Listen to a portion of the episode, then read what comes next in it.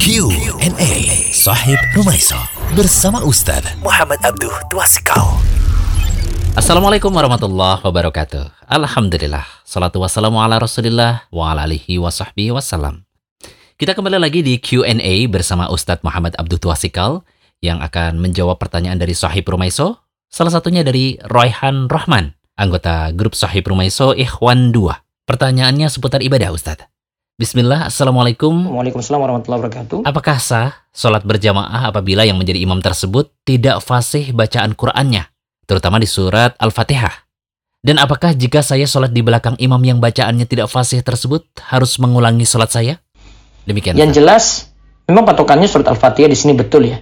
Saya jelaskan sini ada penjelasan dari kitab Al-Mu'tamad fi Al-Fiqh Asy-Syafi'i Juz berapa Ustaz? di juz pertama halaman 413 nanti sampai 418 ya.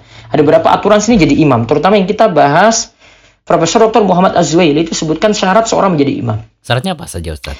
Beliau katakan begini, syarat seorang menjadi imam itu adalah bukan seorang ummi. Hmm, Ingat ya, bukan seorang ummi. Sedangkan makmum adalah qari.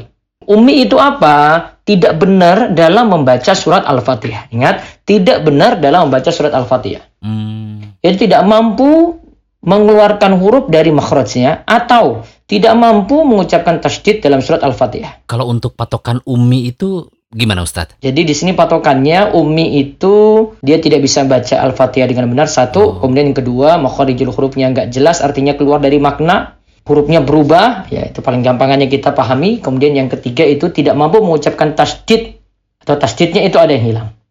Contoh di sini misalnya makharijul hurufnya berubah di sini. Misalnya Ustaz? Misalnya huruf dia baca harokatnya salah. An'amta alaihim. Dia baca an'amti alaihim. Nah, itu sudah keluar ya. Itu makrotnya sudah salah. Oh gitu. Harusnya dibaca eh, ta, dia dibaca ti gitu. Atau hurufnya berubah.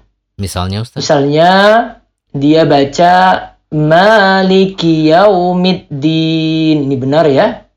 Tapi dia baca maliki yaumiddin. Ya, ki dia baca ti misalnya. Itu Oh. sudah keluar dari makharijul huruf.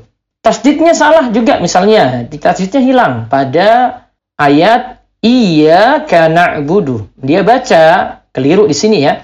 Iya kana budu. Iya kana budu. Hilang tasdid pada huruf ya.